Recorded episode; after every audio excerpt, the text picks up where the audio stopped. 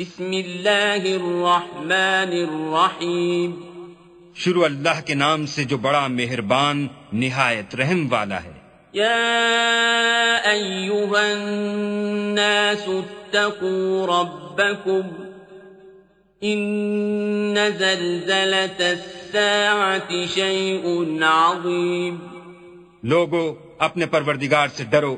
کہ قیامت کا زلزلہ ایک حادثہ عظیم ہے یوم ترونها تذهل كل مرضعة عما أرضعت وتضع كل ذات حمل حملها وتضع كل ذات حمل حملها وترى الناس سكارى وما هم بسكارى ولكن عذاب الله شديد. اے مخاطب جس دن تو اس کو دیکھے گا اس دن یہ حال ہوگا کہ تمام دودھ پلانے والی عورتیں اپنے بچوں کو بھول جائیں گی اور تمام حمل والیوں کے حمل گر پڑیں گے۔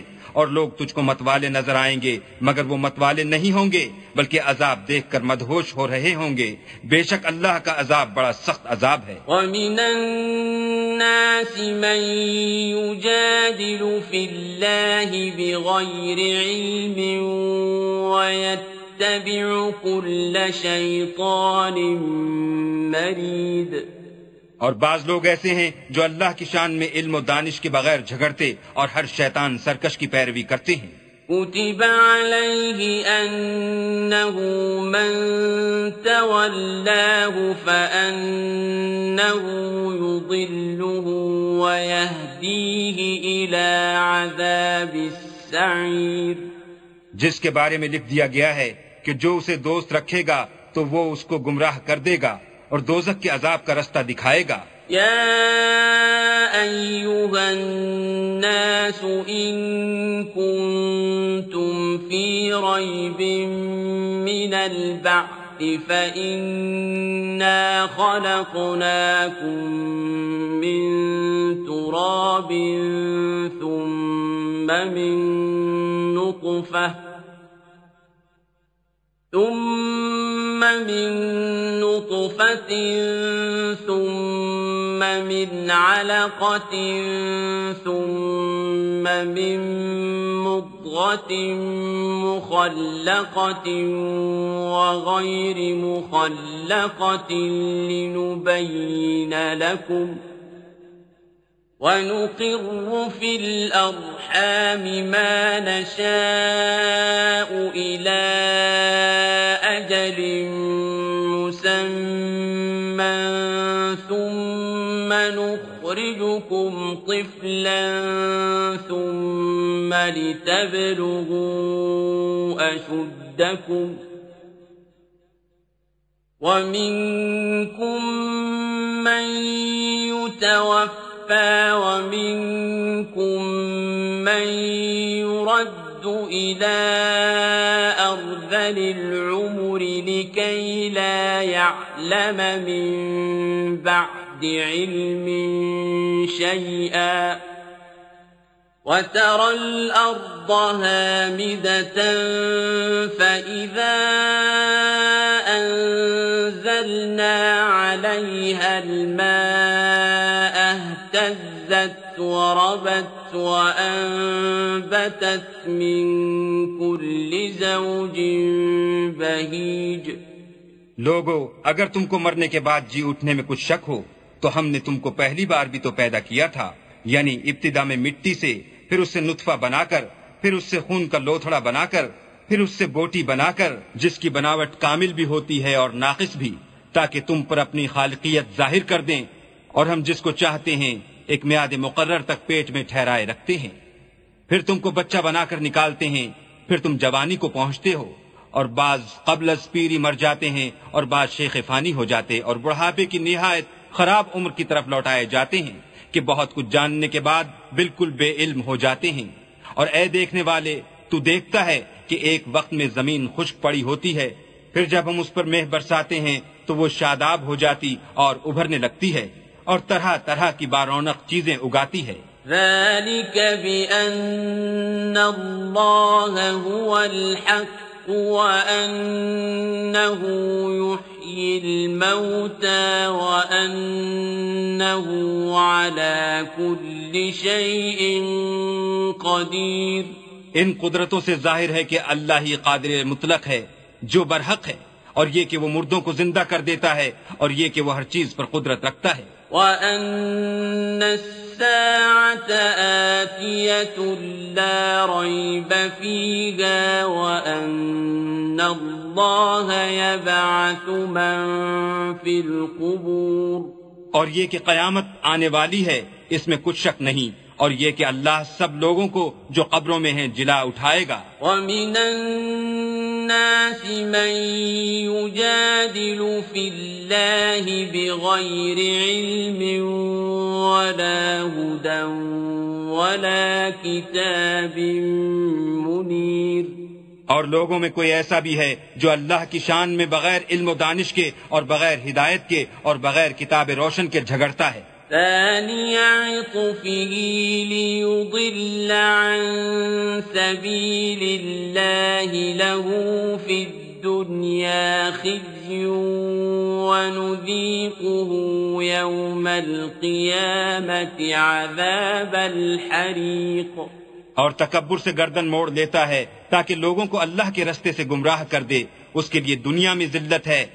اور قیامت کے دن ہم اسے عذاب آتش سوزاں کا مزہ چکھائیں گے۔ ذلك بما قدمت يداك وأن الله ليس بظلام للعبيد۔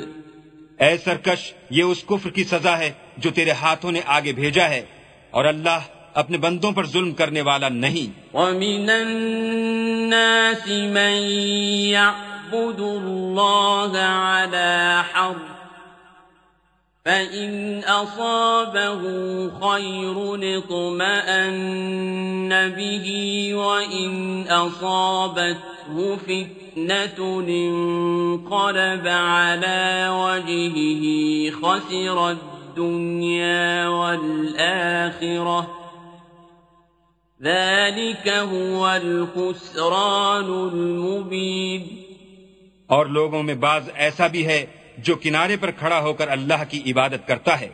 اگر اس کو کوئی دنیاوی فائدہ پہنچے تو اس کے سبب مطمئن ہو جائے، اور اگر کوئی آفت پڑے تو منہ کے بل لوٹ جائے یعنی پھر کافر ہو جائے۔ اس نے دنیا میں بھی نقصان اٹھایا اور آخرت میں بھی یہی تو نقصان سری ہے۔ يدعو من دون الله ما لا يضره وما لا ينفعه ذلك هو الضلال البعيد۔ یہ اللہ کے سوا ایسی چیز کو پکارتا ہے جو نہ اسے نقصان پہنچائے اور نہ فائدہ دے سکے۔ یہی تو پرلے درجے کی گمراہی ہے۔ يدعو لمن ضره أقرب من نفعه لبئس المولى ولبئس العشير۔ بلکہ ایسے شخص کو پکارتا ہے جس کا نقصان فائدے سے زیادہ قریب ہے ایسا دوست بھی برا اور ایسا ہم صحبت بھی برا إن الله يدخل الذين آمنوا وعملوا الصالحات جنات تجري من تحتها الأنهار إن الله يفعل ما يريد جو لوگ ایمان لائے اور عمل نیک کرتے رہے، اللہ ان کو بہشتوں میں داخل کرے گا، جن کے نیچے نہریں چل رہی ہیں۔ کچھ شک نہیں کہ اللہ جو چاہتا ہے، کرتا ہے۔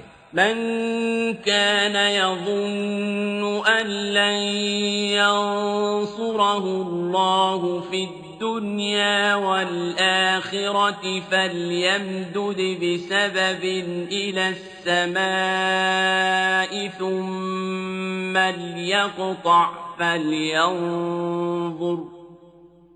ثم ليقطع فلينظر هل يذهبن كيده ما يغيظ جو شخص یہ گمان کرتا ہو کہ اللہ اس کو دنیا اور آخرت میں مدد نہیں دے گا، تو اس کو چاہیے کہ اوپر کی طرف یعنی اپنے گھر کی چھت میں ایک رسی باندھے، پھر اس سے اپنا گلا گھونٹ لے، پھر دیکھے کہ آیا یہ تدبیر اس کے غصے کو دور کر دیتی ہے۔ وَكَذَلِكَ أَنزَلْنَاهُ آيَاتٍ بَيِّنَاتٍ وَأَنَّ اللَّهَ يَهْدِي مَن يُرِيدُ اور اسی طرح ہم نے اس قرآن کو اتارا ہے، جس کی تمام باتیں کھلی ہوئی ہیں۔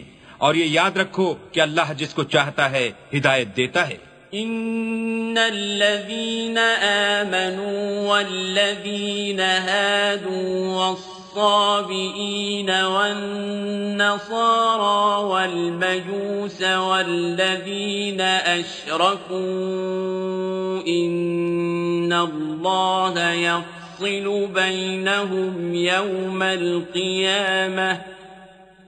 ان اللہ كل شيء شہید جو لوگ مومن یعنی مسلمان ہیں اور جو یہودی ہیں اور ستارہ پرست اور عیسائی اور مجوسی اور مشرق اللہ ان سب میں قیامت کے دن فیصلہ کر دے گا۔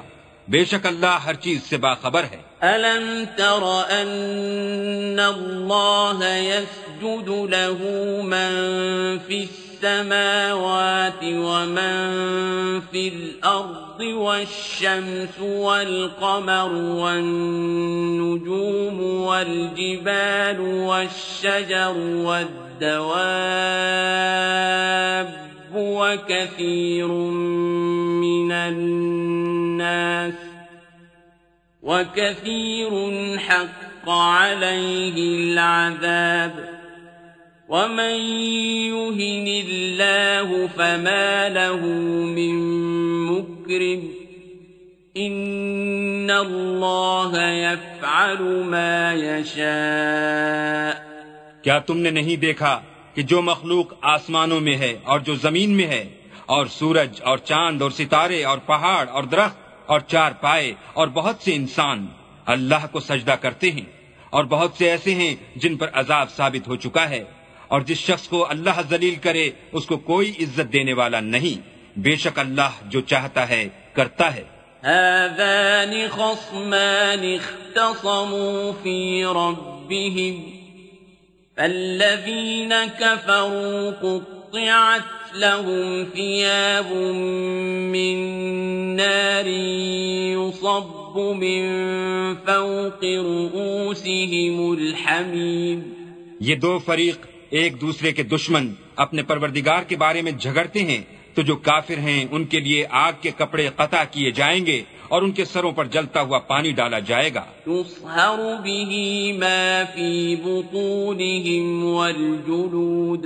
اس سے ان کے پیٹ کے اندر کی چیزیں اور کھالیں گل گل حدید اور ان کے مارنے ٹھوکنے کے لیے لوہے کے ہتھوڑے ہوں گے۔ ان يخرجوا منها من غم اعيدوا فيها وذوقوا عذاب الحريق۔ جب وہ چاہیں گے کہ اس رنج و تکلیف کی وجہ سے دوزخ سے نکل جائیں تو پھر اسی میں لوٹا دیے جائیں گے اور کہا جائے گا کہ جلنے کے عذاب کا مزہ چکھتے رہو إن الله يدخل الذين آمنوا وعملوا الصالحات جنات تجري من تحتها الأنهار يحلون فيها من أساور من ذهب ولؤلؤا ولباسهم فيها حرير۔ جو لوگ ایمان لائے اور عمل نیک کرتے رہے اللہ ان کو بہشتوں میں داخل کرے گا۔ جن کے نیچے نہریں بہ رہی ہیں وہاں ان کو سونے کے کنگن پہنائے جائیں گے۔ اور موتی اور وہاں ان کا لباس ریشمی ہوگا۔ اور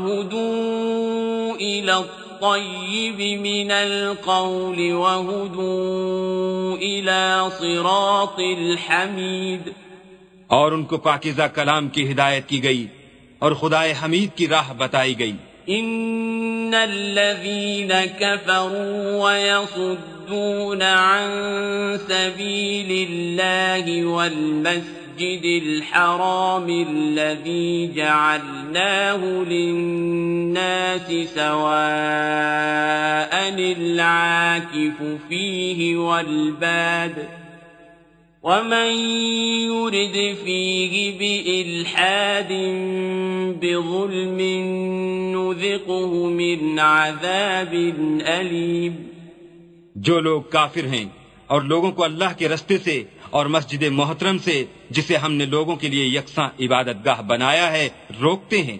خواہ وہ وہاں کے رہنے والے ہوں یا باہر سے آنے والے اور جو اس میں شرارت سے کجروی و کفر کرنا چاہے، اس کو ہم درد دینے والے عذاب کا مزہ چکھائیں گے۔ وَإِذْ بَوَّأْنَا لِإِبْرَاهِيمَ مَكَانَ الْبَيْتِ أَلَّا تُشْرِكْ بِي شَيْئًا وَطَهِّرْ بَيْتِي، وَطَهِّرْ بَيْتِيَ لِلطَّائِفِينَ وَالْقَائِمِينَ وَالرُّكَّعِ السُّجُودِ. اور ایک وقت تھا جب ہم نے ابراہیم کے لیے خانہ کعبہ کو مقام مقرر کیا اور ارشاد فرمایا کہ میرے ساتھ کسی چیز کو شریک نہ کیجو اور طواف کرنے والوں اور قیام کرنے والوں اور رکو کرنے والوں اور سجدہ کرنے والوں کے لیے میرے گھر کو صاف رکھا کرو۔ وَأَذِّن فِي النَّاسِ بِالْحَجِّ يَأْتُوكَ رِجَالًا وَعَلَى كُلِّ ضَامِرٍ يَأْتِينَ مِن كُلِّ فَجٍّ عَمِيقٍ اور لوگوں میں حج کے لیے ندا کر دو کہ تمہاری طرف پیدل اور دبلے دبلے اونٹوں پر جو دور دراز رستوں سے چلے آتے ہوں سوار ہو کر چلے آئے لیشہدو منافع لهم ویذکر اسم اللَّهِ فِي أَيَّامٍ معلومات على ما رزقهم من بَهِيمَةِ الأنعام. فَكُلُوا مِنْهَا وَأَطْعِمُوا الْبَائِسَ الْفَقِيرَ تاکہ اپنے فائدے کے کاموں کے لیے حاضر ہوں اور قربانی کے ایام معلوم میں چہار پایا مویشی کے ذبح کے وقت جو اللہ جو اللہ ہیں ان پر اللہ کا نام لیں۔ اس میں سے تم خود بھی کھاؤ اور فقیر درماندہ کو بھی کھلاؤ۔ ثم ليقضوا تفثهم وليوفوا نذورهم وليطوفوا بالبيت العتيق پھر چاہیے کہ لوگ اپنا میل کچیل دور کریں اور نظریں پوری کریں اور خانہ قدیم یعنی بیت اللہ کا طواف کریں۔ ذلك من يعظم حرمات الله فهو خير له عند ربه وأحلت لكم الأنعام إلا ما يتلى عليكم فاجتنبوا الرجس من الأوثان واجتنبوا قول الزور یہ ہمارا حکم ہے اور جو شخص ادب کی چیزوں کی جو اللہ نے مقرر کی ہیں عظمت رکھے تو یہ پروردگار کے نزدیک اس کے حق میں بہتر ہے اور تمہارے لیے مویشی حلال کر دیے گئے ہیں سوا ان کے جو تمہیں پڑھ کر سنائے جاتے ہیں، تو بتوں کی پلیدی سے بچو اور جھوٹی بات سے اجتناب کرو۔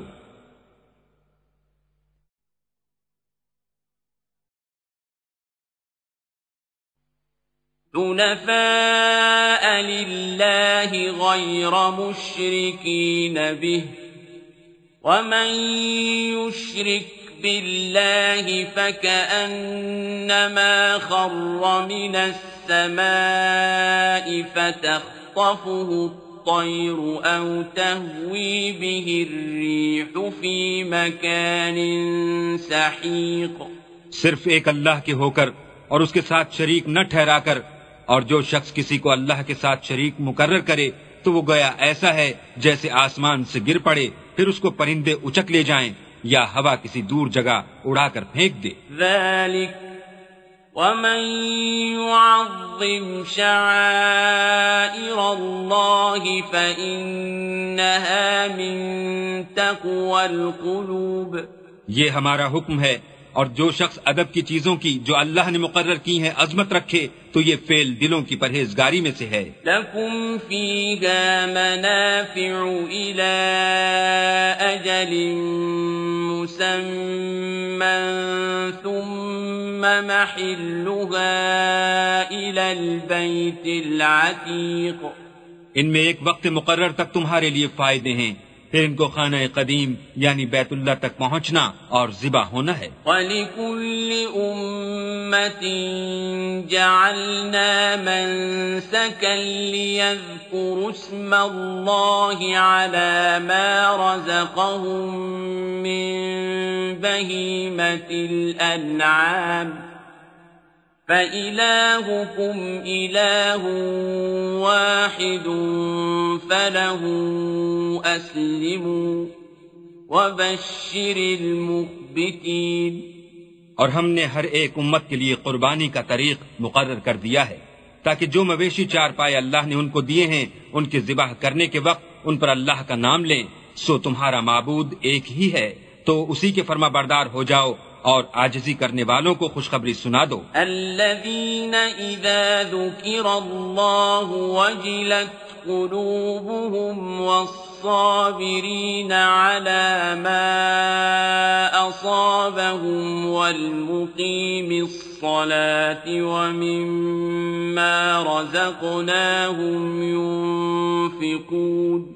یہ وہ لوگ ہیں کہ جب اللہ کا نام لیا جاتا ہے تو ان کے دل ڈر جاتے ہیں۔ اور جب ان پر مصیبت پڑتی ہے تو صبر کرتے ہیں اور نماز آداب سے پڑھتے ہیں اور جو مال ہم نے ان کو عطا فرمایا ہے، اس میں سے نیک کاموں میں خرچ کرتے ہیں۔ والبدن جعلناها لكم من شعائر الله لكم فيها خير فاذكروا اسم الله عليها صواف فإذا وجبت جنوبها فكلوا منها وأطعموا القانع والمعتر كذلك سخرناها لكم لعلكم تشكرون۔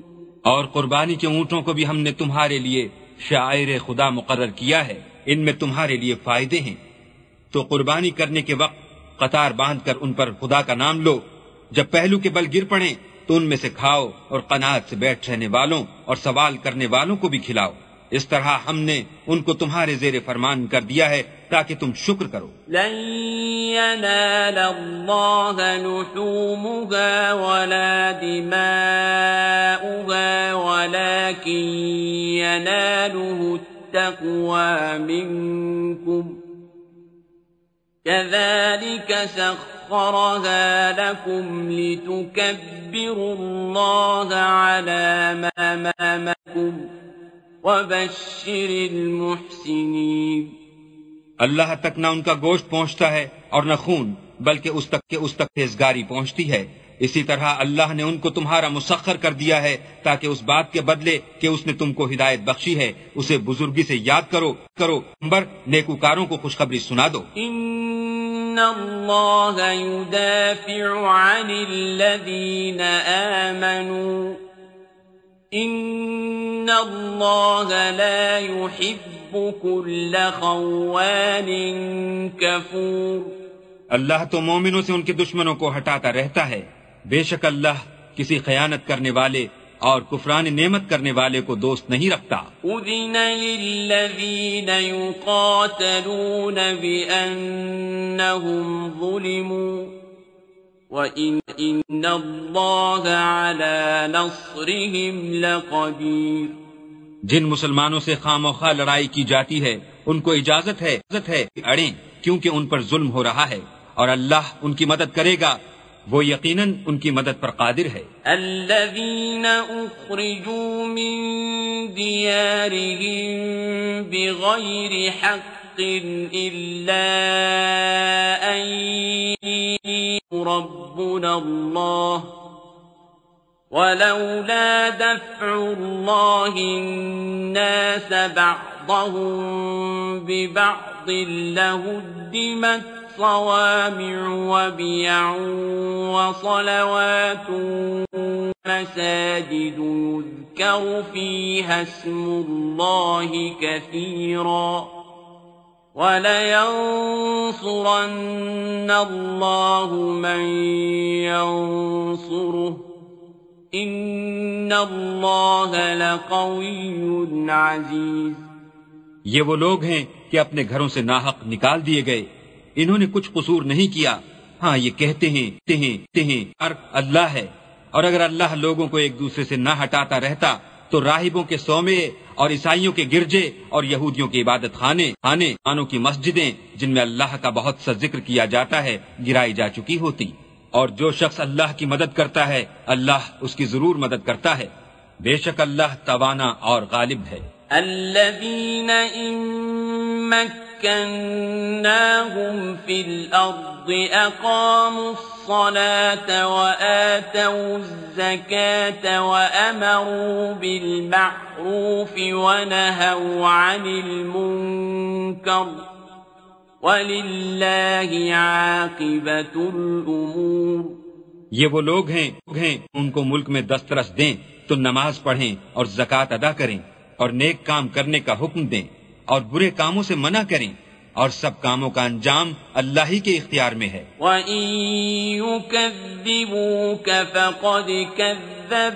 قَبْلَهُمْ قَوْمُ نُوحٍ وَعَادٌ وَثَمُودٌ۔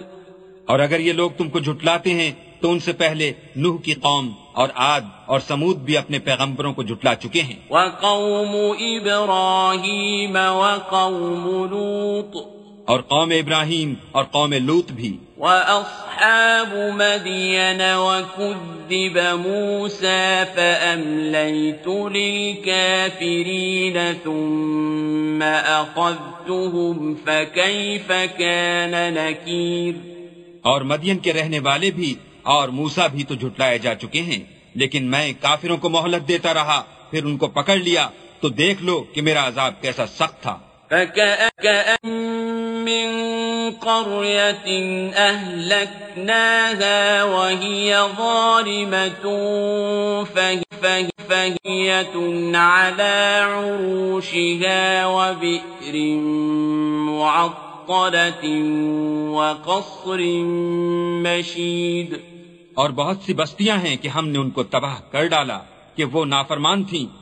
سو وہ اپنی چھتوں پر گری پڑی ہیں پڑی ہیں۔ بہت سے کنویں بیکار اور بہت سے محل ویران پڑے ہیں۔ افلم يسيروا في الارض فتكون لهم قلوب يعقلون بها او آذان يسمعون بها فإنها لا تعمى الأبصار ولكن تعمى قلوب التي في الصدور کیا ان لوگوں نے ملک میں سیر نہیں کی تاکہ ان کے دل ایسے ہوتے کہ ان سے سمجھ سکتے اور کان ایسے ہوتے کہ ان سے سن سکتے؟ بات یہ ہے کہ آنکھیں اندھی نہیں ہوتی بلکہ دل جو سینوں میں ہیں وہ اندھے ہوتے ہیں۔ ويستعجلونك بالعذاب ولن يخلف الله وعده. إن يوما عند ربك كألف سنة مما تعدون.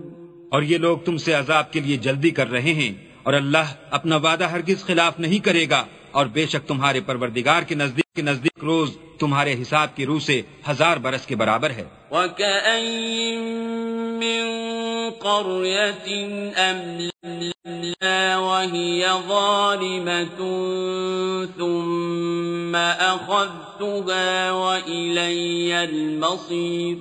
اور بہت سی بستیاں ہیں کہ میں ان کو مہلت دیتا رہا اور وہ نافرمان تھیں۔ پھر میں نے ان کو پکڑ لیا اور میری ہی طرف لوٹ کر آنا ہے۔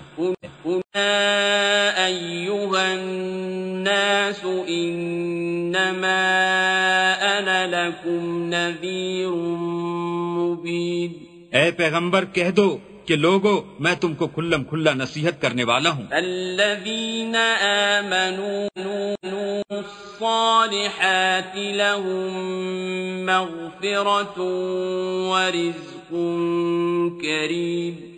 تو جو لوگ ایمان لائے اور کام نیک کیے ان کے لیے بخشش اور آبرو کی روزی ہے۔ والذین سعوا فی آیاتنا معاجزین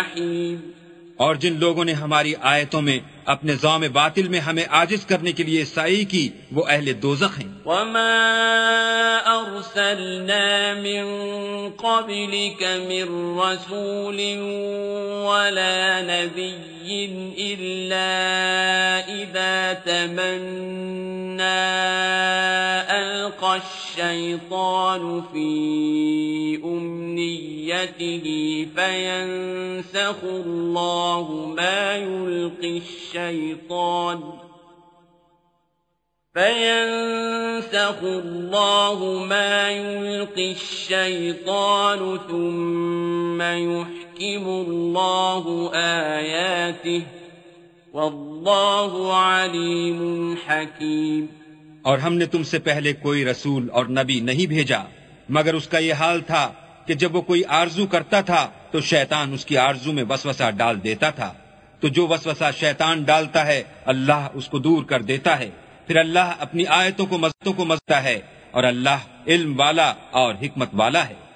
ليجعل ما يلقي الشيطان فتنة للذين في قلوبهم مرض والقاسية قلوبهم وإن الظالمين لفي شقاق بعيد غرض اس سے یہ ہے کہ جو وسوسہ شیطان ڈالتا ہے، اس کو ان لوگوں کے لیے جن کے دلوں میں بیماری ہے اور جن کے دل سخت ہیں، ذریعہ آزمائش ٹھہرائے۔ آئے، ظالم پرلے درجے کی مخالفت میں ہیں وَلِيَعْلَمَ الَّذِينَ أُوتُوا الْعِلْمَ أَنَّهُ الْحَقُّ مِنْ رَبِّكَ فَيُؤْمِنُ ليؤمنوا به فتخبت له قلوبهم وإن الله لهادي الذين آمنوا إلى صراط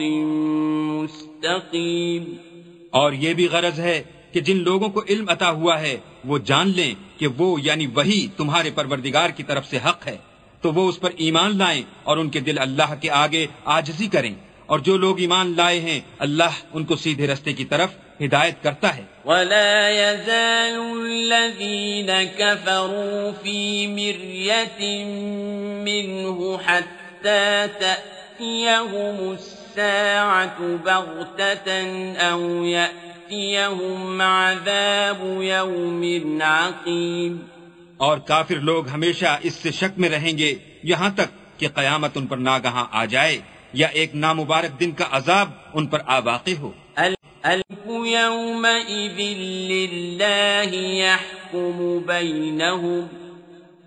فالذين آمنوا وعملوا الصالحات في جنات النعيم۔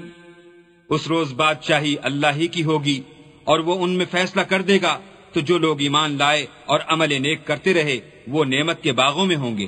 والذین کفروا وکذبوا بآیاتنا فأولئك لهم عذاب مهين اور جو کافر ہوئے اور ہماری آیتوں کو جھٹلاتے رہے، ان کے لیے ذلیل کرنے والا عذاب ہوگا۔ والذین هاجروا فی سبیل اللہ ثم قتلوا او ماتوا لیرزقنهم اللہ رزقا حسنا وَإِنَّ اللَّهَ لَهُوَ خَيْرُ الرَّازِقِينَ اور جن لوگوں نے اللہ کی راہ میں ہجرت کی پھر مارے گئے یا مر گئے ان کو اللہ اچھی روزی دے گا اور بے شک اللہ سب سے بہتر رزق دینے والا ہے۔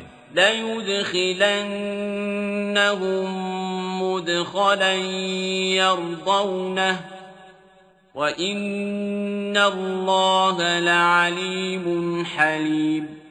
وہ ان کو ایسے مقام میں داخل کرے گا جسے وہ پسند کریں گے اور اللہ تو جاننے والا اور بردبار ہے۔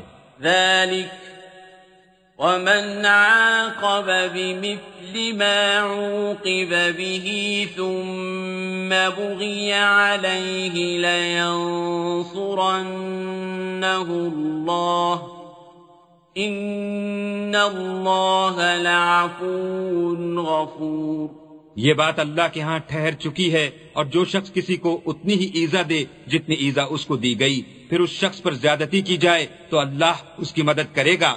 بے شک اللہ معاف کرنے والا اور بخشنے والا ہے۔ ذلك بأن الله يولج الليل في النهار ويولج النهار في الليل وأن الله سميع بصير۔ یہ اس لیے کہ اللہ رات کو دن میں داخل کرتا ہے اور دن کو رات میں داخل کرتا ہے اور اللہ تو سننے والا دیکھنے والا ہے۔ ذلك بأن الله هو الحق وأن ما يدعون من دونه هو الباطل وأن الله هو العلي الكبير۔ یہ اس لیے کہ اللہ ہی برحق ہے۔ اور جس چیز کو کافر اللہ کے سوا پکارتے ہیں وہ باطل ہے۔ اور اس لیے کہ اللہ رفیع رفیع بڑا ہے۔ ألم تر أن الله أنزل من السماء ماء فتصبح الأرض مخضرة إن الله لطيف خبير۔ کیا تم نہیں دیکھتے کہ اللہ آسمان سے مہ برساتا ہے تو زمین سرسبز ہو جاتی ہے۔ بے شک شک البان اور خبردار ہے۔ لہو ما فی السماوات وما فی الارض وَإِنَّ اللَّهَ لَهُوَ الْغَنِيُّ الْحَمِيدُ جو کچھ آسمانوں میں ہے اور جو کچھ زمین میں ہے اسی کا ہے اسی کا ہے بے شک اللہ بے نیاز اور قابل ستائش ہے أَلَمْ تَرَ أَنَّ اللَّهَ سَخَّرَ لَكُم مَّا فِي الْأَرْضِ وَالْفُلْكَ تَجْرِي فِي الْبَحْرِ بِأَمْرِهِ وَيُمْسِكُ السَّمَاءَ أَن تَقَعَ عَلَى الْأَرْضِ إِلَّا بِإِذْنِهِ ان اللہ بالناس لرؤوف رحیم کیا تم نہیں دیکھتے کہ جتنی چیزیں زمین میں ہیں سب اللہ نے تمہارے زیر فرمان کر رکھی ہیں اور کشتیاں بھی جو اسی کے حکم سے دریا میں چلتی ہیں اور وہ آسمان کو تھامے رہتا ہے کہ زمین پر نکین پر نکین مگر اس کے حکم سے۔ بے شک اللہ لوگوں پر نہایت شفقت کرنے والا مہربان ہے۔ وَهُوَ الَّذِي أَحْيَاكُمْ ثُمَّ يُمِيتُكُمْ ثُمَّ يُحْيِيكُمْ إِنَّ الْإِنسَانَ لَكَفُورٌ۔ اور وہی تو ہے جس نے تم کو حیات بخشی پھر تم کو مارتا ہے پھر تمہیں زندہ بھی کرے گا اور انسان تو بڑا ناشکر ہے۔ لكل أمة جعلنا من سكنهم ناسكوه فلا ينازعنك في الأمر. وادع إلى ربك إنك لعلى هدى مستقيم. ہم نے ہر ایک امت کے لیے ایک شریعت مقرر کر دی ہے جس پر وہ چلتے ہیں تو یہ لوگ تم سے اس امر میں جھگڑا نہ کریں اور تم لوگوں کو اپنے پروردگار کی طرف بلاتے رہو۔ بے شک تم سیدھے رستے پر ہو۔ وَإِن جَادَلُوكَ فَقُلِ اللَّهُ أَعْلَمُ بِمَا تَعْمَلُونَ۔ اور اگر اور اگر کریں تو کہہ دو کہ جو عمل تم کرتے ہو اللہ ان سے خوب واقف ہے۔ الله يحكم بينكم يوم القيامة فيما كنتم فيه تختلفون. جن باتوں میں تم اختلاف کرتے ہو اللہ تم میں قیامت کے روز ان کا فیصلہ کر دے گا۔ أَلَمْ تَعْلَمْ أَنَّ اللَّهَ يَعْلَمُ مَا فِي السَّمَاءِ وَالْأَرْضِ السماء والأرض ذلك في كتاب إن ذلك على الله يسير کیا تم نہیں جانتے کہ جو کچھ آسمان اور زمین میں ہے، اللہ اس کو جانتا ہے؟ یہ سب کچھ کتاب میں لکھا ہوا ہے۔ بے شک یہ سب اللہ کو آسان ہے۔ وَيَعْبُدُونَ مِن دُونِ اللَّهِ مَا لَمْ يُنَزِّلْ بِهِ سُلْطَانًا وَمَا لَيْسَ لَهُم بِهِ عِلْمٌ وَمَا لِلظَّالِمِينَ مِن نَصِيرٍ اور یہ لوگ اللہ کے سوا ایسی چیزوں کی عبادت کرتے ہیں جن کی اس نے کوئی سند نازل نہیں فرمائی اور نہ ان کے پاس اس کی کوئی دلیل ہے۔ اور ظالموں کا کوئی بھی مددگار نہیں ہوگا وَإِذَا تُتْلَى عَلَيْهِمْ آيَاتُنَا بَيِّنَاتٍ تَعْرِفُ فِي وُجُوهِ الَّذِينَ كَفَرُوا الْمُنكَرُ يَكَادُونَ يَسْقُونَ بِالَّذِينَ يَتْلُونَ عَلَيْهِمْ آيَاتِنَا قُلْ أَفَأُنَبِّئُكُم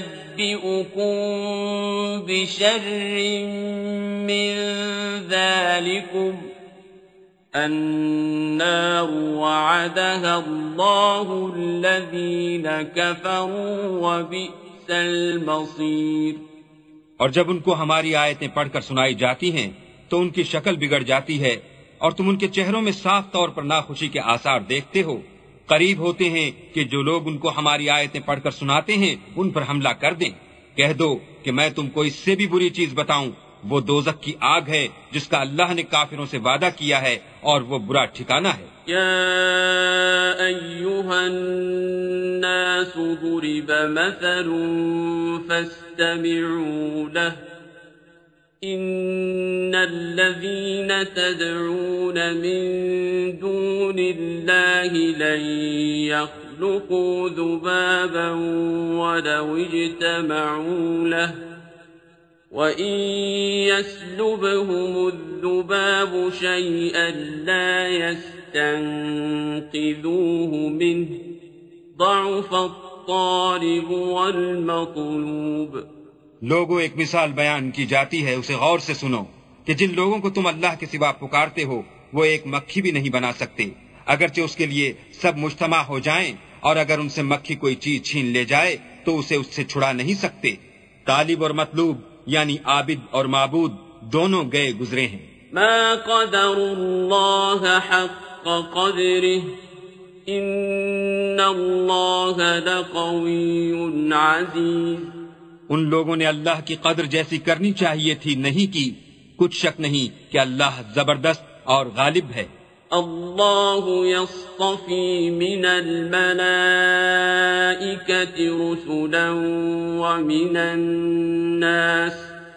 ان اللہ سمیع بصیر۔ اللہ فرشتوں میں سے پیغام پہنچانے والے منتخب کر لیتا ہے اور انسانوں میں سے بھی۔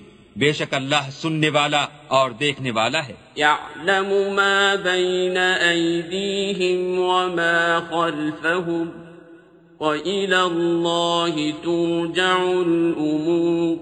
جو ان کے آگے ہے اور جو ان کے پیچھے ہے وہ اس سے واقف ہے۔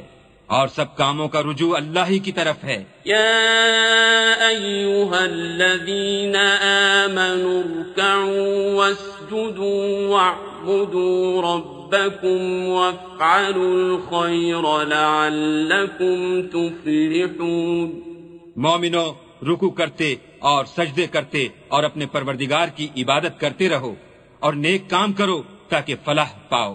وجاهدوا في الله حق جهاده هو اجتباكم وما جعل عليكم في الدين من حرج۔